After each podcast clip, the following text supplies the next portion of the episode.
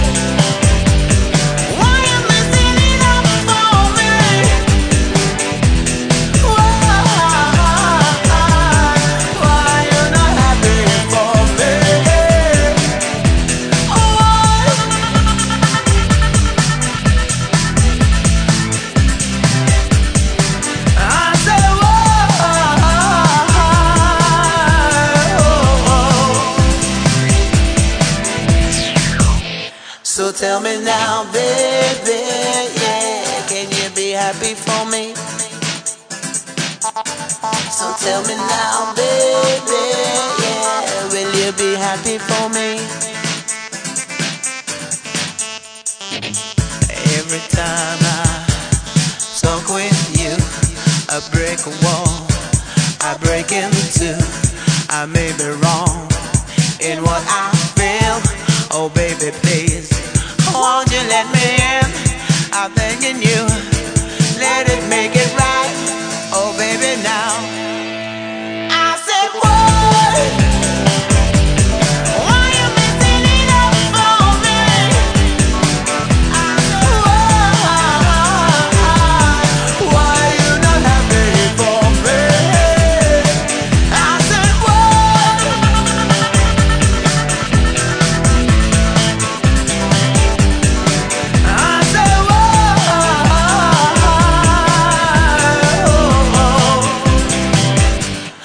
tell me now, baby,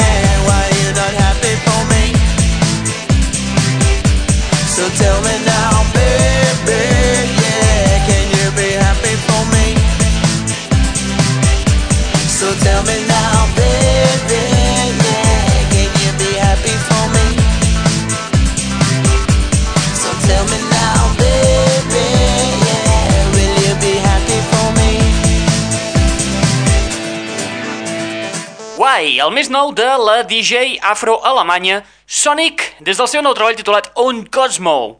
Un treball que ben aviat trobarem a les tendes de discos més habituals. Benvinguts, benvingudes a una nova edició de la... Net Radio.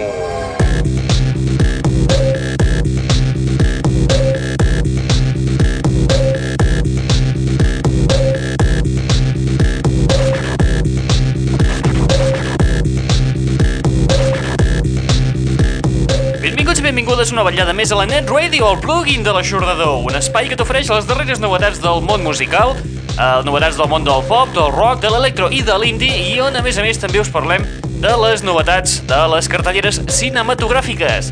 A més a més, aquesta setmana ens estem intentant currar una miqueta més el que seria el tema web per intentar oferir-vos el que són els trailers de les pel·lícules que us comentem en aquest espai.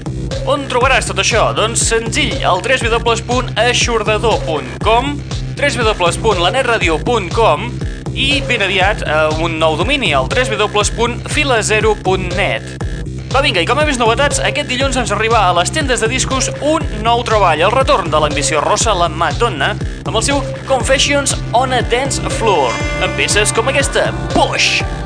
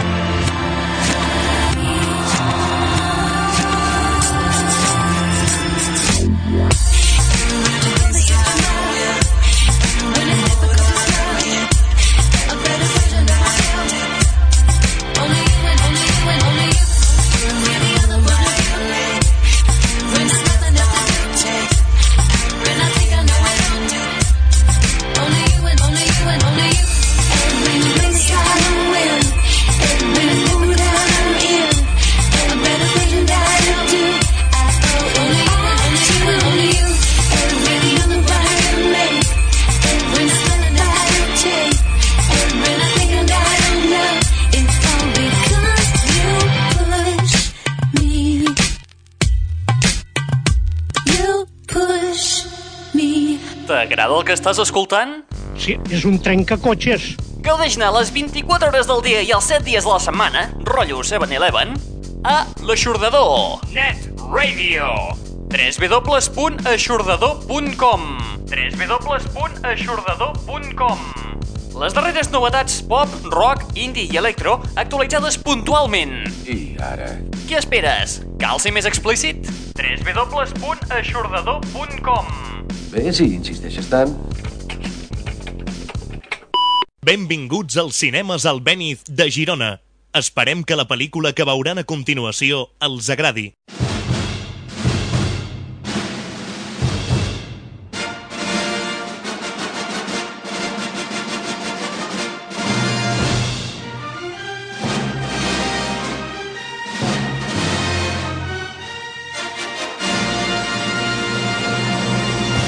¿Qué es lo que busca aquí, por favor? Me llamo Quayle, soy de la Embajada Británica. ¿Ve por aquí a alguno de sus paisanos, señor Quayle? Ah, discúlpeme, enséñame tu tarjeta, Kyoko. Ah, ya está a nombre de Banza, es de la familia. Es una tarjeta médica familiar, ¿no? Sí. ¿Y qué significa IC? Informados antes de consentimiento. Consintieron en recibir tratamiento y prestación médica familiar. ¿Y el tratamiento es de Dipraxa? Si no dan su consentimiento, ¿pierden la prestación sanitaria? No hay mucho que elegir, y además supongo que no les informan de los efectos secundarios. Yo no hago las normas, señor Quayle. Señor Quayle, ¿Sí? acompáñeme, por favor. Kyoko, tu tarjeta. Gracias.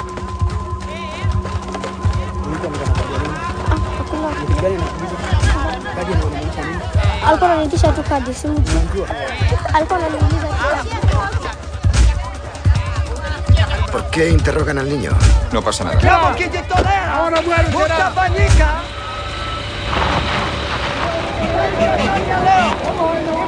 El jardinero fiel, pel·lícula dirigida per en Fernando Meirelles, el de La ciutat de Dios. I protagonitzada la pel·li per en Ralph Fiennes, la Rachel Weisz i en Danny Houston. La pel·lícula s'inspira en eh, la novel·la, el best-seller de John le Carré, titulat amb el mateix títol, El jardiner fidel. A priori pot semblar un film convencional, de fet, si anem a mirar totes les pel·lícules que s'han adaptat de grans bestsellers, veureu que no destaquen per la seva excessiva originalitat. Tenim, per exemple, un cas mateix eh, també d'una pel·lícula d'en John le Carré que precisament ahir van fer per la tele, que era El sastre de Panamà. Aquest és un dels exemples de les pel·lícules estàndard típiques d'una adaptació d'un bestseller. En aquest cas, El jardinero fiel, eh, a priori podria semblar que es tracta d'una d'aquestes pel·lis estàndards, però no, no us deixéssiu enganyar per, de cap de les maneres, perquè Fernando de Meirelles el que utilitza és... Eh, intenta transgredir una mica tot aquest, eh, aquest estàndard que hi havia inculcat sobre el món de passar el bestseller a pel·lícula, i el que fa és trencar una mica amb tota aquesta estètica, afegint-hi un cert toc de videoclip, eh, moviment de càmera digital, eh, textures també molt semblants, i ens la situa, eh, fuig del Brasil que ens mostrava Ciutat de Dios per traspassar-nos a Kènia, a Àfrica, per involucrar-nos en una excitant intriga política i econòmica que eh, va avançant gràcies al relat d'una història d'amor explicada de forma retrospectiva. Veureu que a la pel·lícula hi ha diversos flashbacks. Com a taló de fons hi tenim el món de les multinacionals farmacèutiques fent els seus experiments, on prefereixen eh, matar gent a l'Àfrica abans que perdre milions de dòlars fent un fàrmac bo i potent a la primera. És a dir, utilitzen a la població caniana com a conillets d'Índies. En aquesta pel·li, en Ralph Fiennes interpreta el paper d'un diplomàtic britànic, un diplomàtic conformista i, a més a més, que és un gran afeccionat a la jardineria, que és el jardiner fidel que dona títol a la pel·lícula. Aquest és un home que, quan assassinen a la seva dona, interpretada per la Rachel Weisz, eh, una activista, decideix desafiar governs i trames fosques per intentar desvetllar qui l'ha matada en una transformació interior que el portarà a viatjar per Kènia, el Regne Unit i Alemanya, buscant respostes que ningú sembla que estigui disposat a donar-li. Una pel·lícula que, si no l'heu vista, us aconsellem que la vegeu, ja que també penseu que en aquesta pel·li en el guió va estar-hi implicat el propi John Le Carré, tot i que no surtin els crèdits, sí que va estar assessorant a Fernando Meirelles contínuament sobre alguns girs que podia fer-se, modificant una mica la història original. Molt bé, per altra banda, ahir mateix van arribar a les cartelleres de cinema unes eh, quantes pel·lícules que podrem veure eh, al llarg de, a partir d'avui i al llarg de tota aquesta setmana. Pel·lícules eh, destacades com, per exemple, el retorn de la Jodie Foster a, les pantalla, a la pantalla gran. Torna amb un thriller psicològic. Eh, es tracta de la pel·lícula titulada Plan de vuelo, desaparecida, una pel·lícula dirigida per en Robert Schwenke i protagonitzada per, com us hem dit, per la Jodie Foster, en Peter Sarsgaard, en Sean Bean, l'Erika Christensen, la Marlene Lowston. La pel·li comença a liar-se en aquest punt. ¿Podemos mirar en las bodegas? No es una mala idea, comandante. Señor Carson, yo soy el responsable de la seguridad de todos los pasajeros de este avión. Enviaré a dos miembros de mi tripulación a comprobar las bodegas. Pues acabo de ver a dos miembros de su tripulación que hacían de todo excepto buscar a mi hija. Señora Pratt, hay 425 pasajeros en este vuelo que no están recibiendo ninguna atención en este momento porque todos y cada uno de mis auxiliares de vuelo están buscando a una niña que ninguno de ellos cree que haya embarcado. Si cree que podríamos satisfacer mejor sus necesidades, plantéelo en atención al cliente cuando hayamos aterrizado. Plan de vuelo desaparecida comença tota la seva, el thriller angoixant a partir d'aquest moment, quan la Jodie Foster i la seva filla pugen a l'avió que els ha de portar cap a Casona. La Jodie Foster és una americana que perd el seu home i el que, el que fa és decideix tornar cap a casa amb la seva filla petita de 6 anyets. Però la nena desapareix misteriosament durant el vol i ningú de la tripulació ni el passatge recorden haver-la vist a dalt. La pel·li, com us hem dit, la dirigida en Robert Schwenke, la protagonitza la Jodie Foster, en Peter Sarsgaard, en Sean Bean i l'Erika Christensen. Un thriller que ens situa a 12.000 metres d'alçada i que ha aixecat protestes entre els col·lectius de hostesses dels avions per donar una mala imatge de gent com si fossin passotes i de tot eh, que no els interessa per res el passatge. I això ha mosquejat bastant a tot aquest col·lectiu que s'han manifestat en contra d'aquesta pel·lícula, el Plan de Vuelo Desaparecida. Una altra pel·li que ens arriba aquesta setmana és una comedieta senzilleta que no té cap altra pretensió que entretenir una tarda de tardor. La pel·li es titula Elizabeth Town, una comèdia única que explica la història d'un un romanç inesperat durant un complicat i extravagant funeral. Aquesta fala còmica s'enfronta a temes com la vida i la mort amb sorprenent força. La pel·li la dirigeix el Cameron Crowe, el de Jerry Maguire i Quasi Famosos, i la protagonitzen l'Orlando Bloom, la Kirsten Dunst, la Susan Sarandon i la Jessica Biel. Louisville, Kentucky, ¿eh? Acá se negocia su familia. Mi padre. ¿Ah? ¿En qué parte de Louisville? En realidad está cerca de Louisville. Louisville. Lu- Louisville. Ville. Louis- Ville. En Elizabethtown. Genial. Espero que te lleven, porque esas carreteras son un lío maravillosamente tremendo. Louisville. Procuraré recordarlo.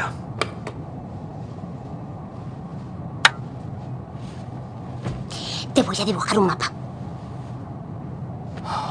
Elizabeth Town, una pel·lícula dirigida per en Cameron Crowe eh, i protagonitzada per l'Orlando Bloom, la Kirsten Dunst, eh, la Susan Sarandon, la Judy Greer, la Jessica Biel i l'Alec Baldwin. Avisar-vos que la pel·li dura 138 minuts, 2 hores 20 minuts.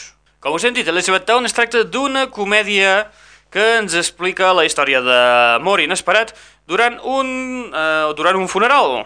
Elizabeth Town també explica el viatge d'un jove que decideix eh, tirar per una direcció inesperada i de la dona que l'ajuda a veure el món que l'envolta sota una altra perspectiva.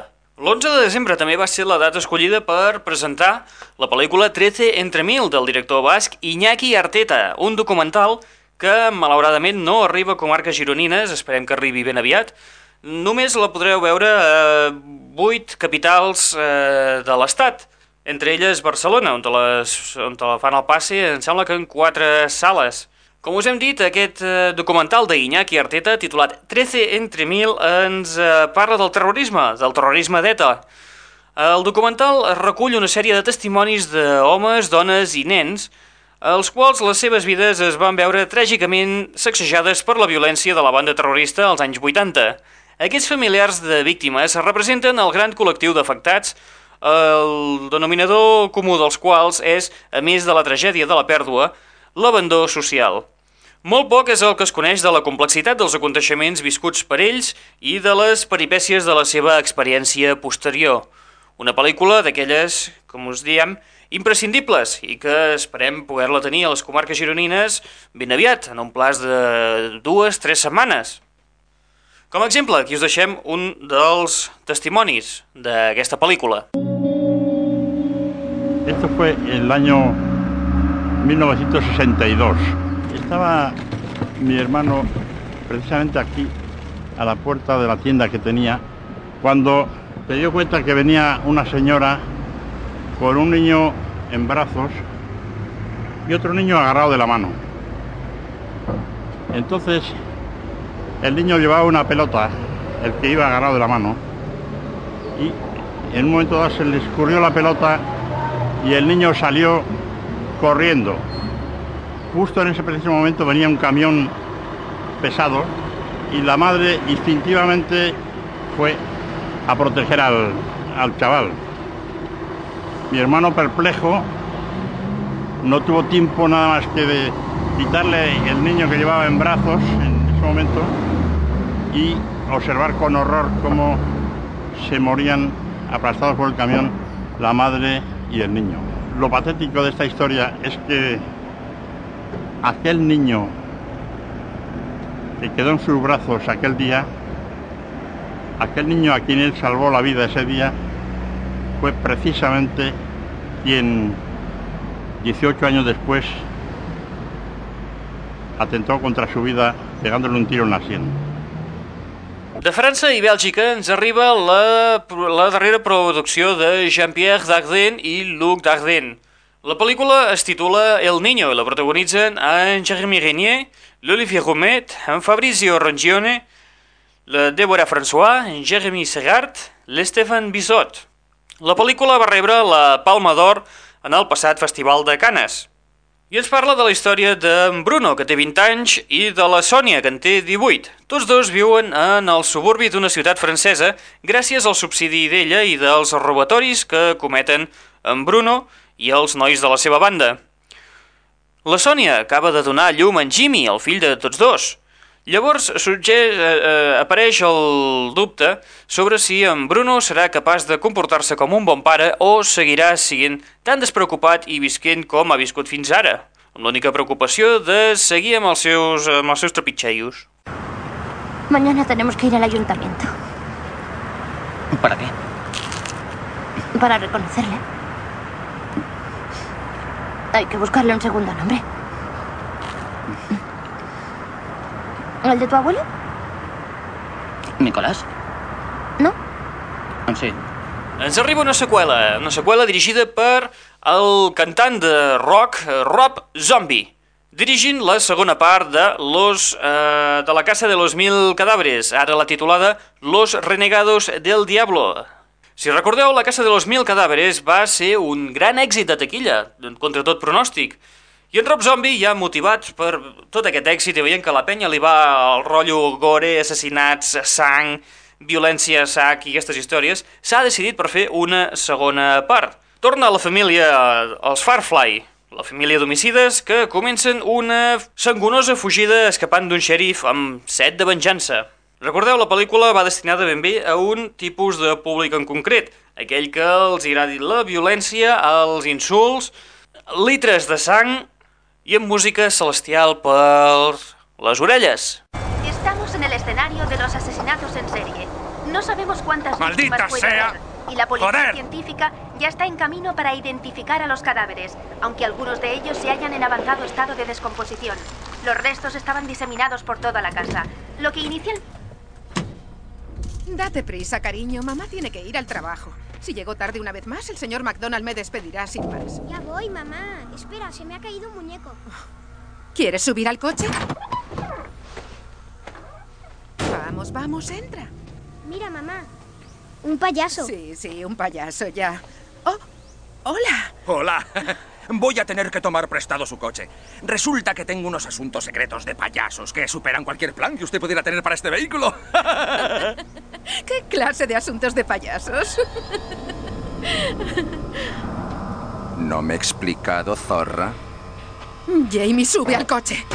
Pon el seguro. ¿A dónde coño vas? Maldita sea. Jamás se te ocurra darle la espalda a un payaso cuando te está hablando.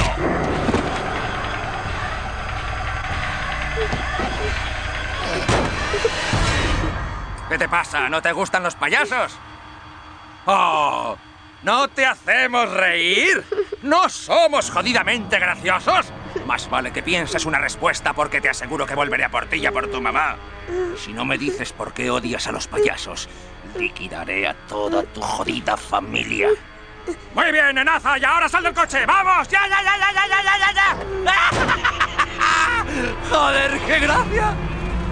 Canviem, canviem absolutament de pau perquè eh, també va arribar ahir una de les pel·lícules esperades, Un dels grans èxits que eh, hi ha hagut a Argentina l'any passat. Es tracta d'una coproducció en, mm, hispano-argentina dirigida per en Marcos Carnevale. La pel·li la protagonitzen en Manuel Alexandre i la China Zorrillo. La pel·li es titula Elsa i Fred, una història d'amor tardà, una història de dues vides que al final del camí descobreixen que mai és tard per estimar ni per somiar. Has vuelto a hablar con mi nieto. Todos los días hablo con tu nieto. Los dos estamos siguiendo con mucho interés tu aventura. No te voy a decir nada de Elsa. Ya no es la vecina del J, ya es Elsa. Ya pasó algo. Un respeto, Juan, un respeto. Te has enamorado. Yo creía que solo buscabas compañía, un rollito y listo. Pero te has enamorado. Mira por dónde. Yo no uso a las personas, ese es tu estilo. Eh, Además, a estas alturas del partido ya debías conocerme. Te has enamorado. Me sienta bien. Ya veo que no tomas tantas pastillas. El médico me ha quitado unas cuantas. Tu médico soy yo. Lo eras, he cambiado. ¿Vais a salir? Sí, voy a buscar a Elsa, que ha ido con unas amigas a merendar a una cafetería, que no te pienso decir cuál es. Vamos. Llévame. A lo mejor me puedo ligar a alguna de sus amigas. Ni lo sueñes. La Elsa té 82 anys, dels quals 60 els ha viscut somiant un moment que ja havia estat somiat per Fellini, l'escena de la Dolce Vita a la Fontana dei Trevi. L'Alfredo, per altra banda, és una miqueta més jove que l'Elsa i sempre va ser un home que va, de bé que va complir amb el seu deure. Al moment de quedar vidu, desconcertat i angoixat per l'absència de la seva dona, la seva filla li recomana mudar-se a un apartament més petit on ell coneix a la Elsa. A partir d'aquest moment, tot es transforma al voltant del, eh, de l'Alfredo. L'Elsa apareix a la seva vida eh, disposada a demostrar-li que el temps que li queda de vida, molt o poc, és preciós i pot gaudir-lo de la manera que li dongui la santíssima gana. En Fred es deixa portar per aquesta vida trepidant de l'Elsa, per la seva joventut, per la seva intrepidesa i per la seva preciosa bogeria. És així com l'Alfredo, o Fred, com li diu l'Elsa, aprèn a viure. La setmana passada ens arribava una pel·lícula que ens situava en el món de la boxa. Era a golpes. Aquesta setmana tenim una altra pel·li que també va una mica per l'estil. Es tracta de Segundo Asalto, una pel·lícula que ha dirigit en Daniel Cebrián i que compta amb la participació d'en Darío Grandietti, l'Àlex González, l'Eva Marciel, en Francesc Orella, la Laura Aparicio, l'Albert Ferreiro i el Pepo Olivo. La pel·li ens parla de la vida de l'Àngel, que té prou, amb prou feines uns 20 anys. Té un treball precari, pocs amics i una carrera com a boxador no massa prometedora. En Vidal, un atracador professional de bancs, torna d'Argentina i apareix en la seva vida. A partir d'aquest moment, el fràgil univers de l'Àngel trontolla i es veu obligat a triar entre la única vida que coneix i el futur que li ofereix en Vidal. Diners, reconeixement i respecte. ¿Y vos cómo te ganas la vida? Mal. ¿Qué dirías si te propongo trabajar conmigo? ¿Trabajar en qué? en cirugía cardiovascular. ¿Qué pensás que está mal robar bancos? Pues hombre, bien no está. Ah, cantó Gardel. Prohibido está, no mal. Está prohibido. Mal está el calentamiento progresivo del planeta. El hambre en el mundo. La situación argentina está mal. Mal está la especulación inmobiliaria. Y es legal. En gran paz, trabajás toda la vida para un banco y encima me dicen chorro a mí. Los bancos roban a la gente y hay gente que roba bancos. Somos menos y lo tenemos más difícil, pero nadie dijo que la vida fuera justa. Si te agarran vas preso, yo no. Yo antes muerto que en cana. Molt bé, aquestes són les pel·lícules que van arribar ahir a les comarques eh, gironines, a les sales de cinema de per aquí Girona, exceptuant 13 entre mil, que recordeu que si la voleu veure, de moment heu d'anar a Barcelona. Suposem que d'aquí un temps el devran tenir per aquí el Trufó o alguna sala així una mica alternativa. Molt bé, nosaltres anem a comentar-vos les pel·lícules que podreu veure aquesta setmana. Anem a repassar una mica la cartellera que podreu veure de les pel·lis als cinemes Albéniz de Girona, just al centre mateix de la City, al costat de Correus. Aquesta setmana a les sales de cinemes Albéniz de Girona podeu veure les pel·lícules Siete Vírgenes, A Golpes, Comprométete, La novia cadàver, Hostage, Inmersió letal, Una història de violència, atenció que aquesta és de les noves, que ha arribat, tot i que ja fa 3 setmanes que està en cartellera, La leyenda del zorro, Plan de vuelo desaparecida, El jardinero fiel, Elsa Anfred y Una vida por delante.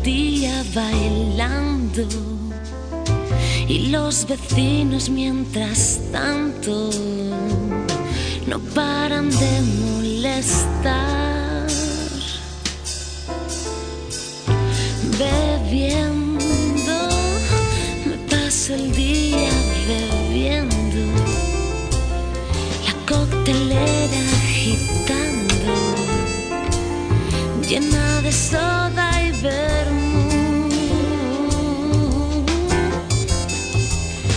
Tengo los huesos desencajados,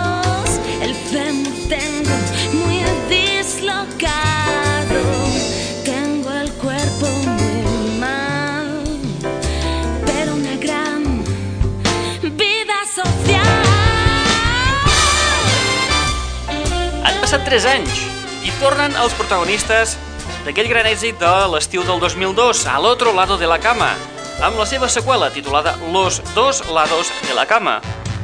En aquesta segona part, els eh, nostres protagonistes sembla ser que eh, finalment han posat seny. Tornen l'Ernesto Alterio, en Guillermo Toledo, l'Alberto San Juan, la Maria Esteve, la Pilar Castro, la Lucía Jiménez, Secundé la Rosa, la Juana Acosta i la Verónica Sánchez. Dirigeix l'Emilio Martínez Lázaro amb el guió d'en David Serrano. Els nois sembla ser que per fi han madurat i seran capaços de, de viure en parella. Fins aquí tot perfecte, però eh, i les noies? Què opinen de tot això? En Javier es casarà amb la Marta, una jove doctora que ha aconseguit curar-li el- la por al compromís. En Pedro, protagonitzat per en Guillermo del Toro, està completament enamorat de la Raquel, interpretada per la Lucía Jiménez, la seva nova xicota, amb la qual per fi eh, es planteja un futur en comú. Per altra banda, en Rafa, l'Alberto San Juan, sembla que també ha trobat la felicitat al costat de la Pilar, la Maria Esteve, que no només la vol i estima, sinó que també la reeduca amb un estil molt peculiar. Però com us dèiem, les noies... mm, Què els hi sembla tot això?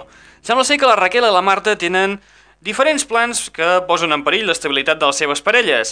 La Pilar ha trobat eh, de nou la il·lusió de l'amor amb un amant desconegut, el qual també està reeducant, mm, com no, a la seva manera. I per acabar de complicar la situació, a la vida dels nois apareix una nova dona, la Carlota, protagonitzada per la Pilar Castro. Dolça, imprevisible, divertida i original, que, per descomptat, farà que perdin el cap. Eh, sí, exacte, aquesta que estaven a punt de, de, de, de posar-la a lloc. Què faran la Raquel i la Marta amb els seus reformats xicots? Quin serà la- l'amant secret de la Pilar? Què farà el Rafa al respecte? Qui pinta la Carlota en tot això? Trobaran en Pedro i en Javier la felicitat? On i com ho faran? Tot això ho descobrirem només a la darrera cançó, perquè aquesta vegada també canten, per descomptat. Por vuestra boda y porque seáis muy felices. Bueno, y por vosotros. Para que también os caséis muy pronto. Eh, bueno, yo creo que eso ya lo vamos viendo, ¿no? Sí. Sí, sí, no, eso como se ve, eso como se ve viéndolo, ¿no? Claro que sí, si las cosas es mejor hacerlas despacio. ¿Cómo? Pues no sé, que igual deberíamos esperar un poco, ¿no? Esperar un poco. Ay, por favor, que casi me da una arritmia. ¿Sabéis lo que, lo que más me gusta de Marte es su sentido del humor? Esperar un poco, dice. Lo que sí que me da pena es que no nos casemos los cuatro a la vez. Pero bueno, a lo mejor podemos bautizar a los niños al mismo tiempo, ¿no? No. No, niños no, Javier. No. Dale, con niños no. Es muy importante tener niños. ¿Vosotros cómo lo veis? Eh, Yo... Yo es que creo que me está sentando mal la cena, ¿eh? ¿Sí? ¿Qué te pasa? ¿Me Es... pido una manzanilla? No, no, sí, es como... Es más como un ahogo, no sé. Te estoy diciendo de tenerlos mañana, ¿no? Un par de años. La, la manzanilla es buenísima para los ahogos y para casi todo. ¿eh? Que no, Pedro, que no quiero nada, que es aquí. Javier, los niños ya se verán. ¿Vamos al baño? Eh, sí, mejor. No te vayas a poner mal ahora. Ya está, te pido la manzanilla y fuera. Ay, coño, Pedro, que no quiere la manzanilla, déjalo ya. Vamos. Perdona, perdona.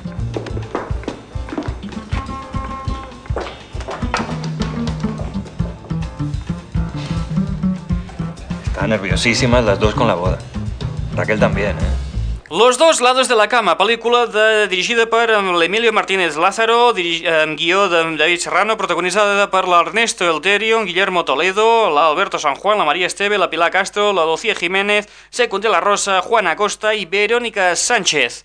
La pel·lícula arribarà a les cartelleres de cinema el 23 de desembre, dos dies abans de Nadal, o sigui, encara queda una mica de temps. Molt bé, i amb aquesta pel·li, Los dos lados de la cama, arribem a la fi de l'espai d'avui.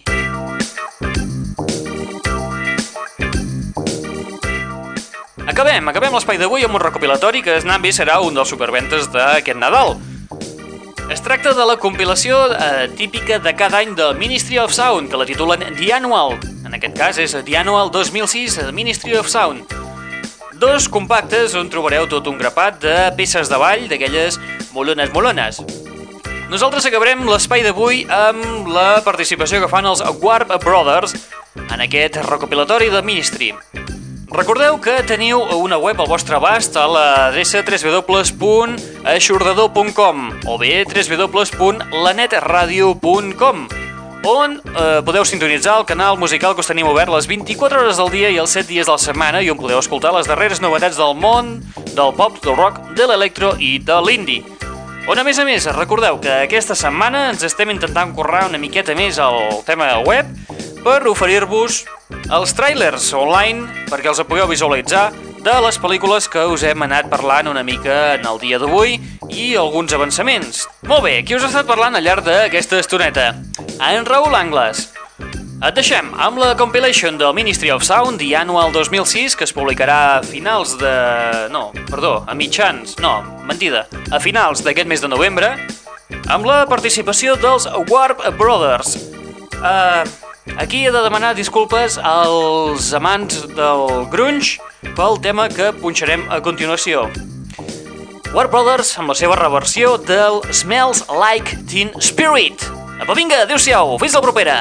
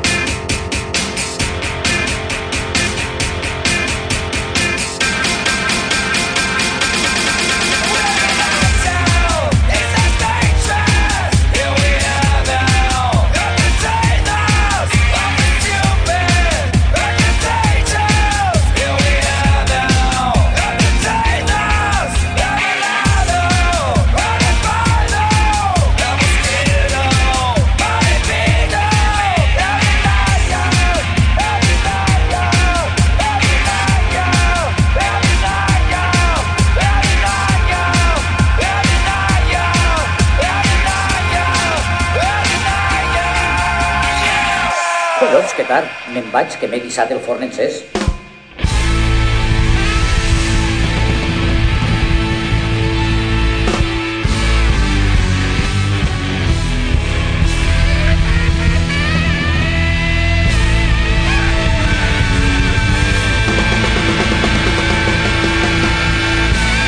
L'aixordador.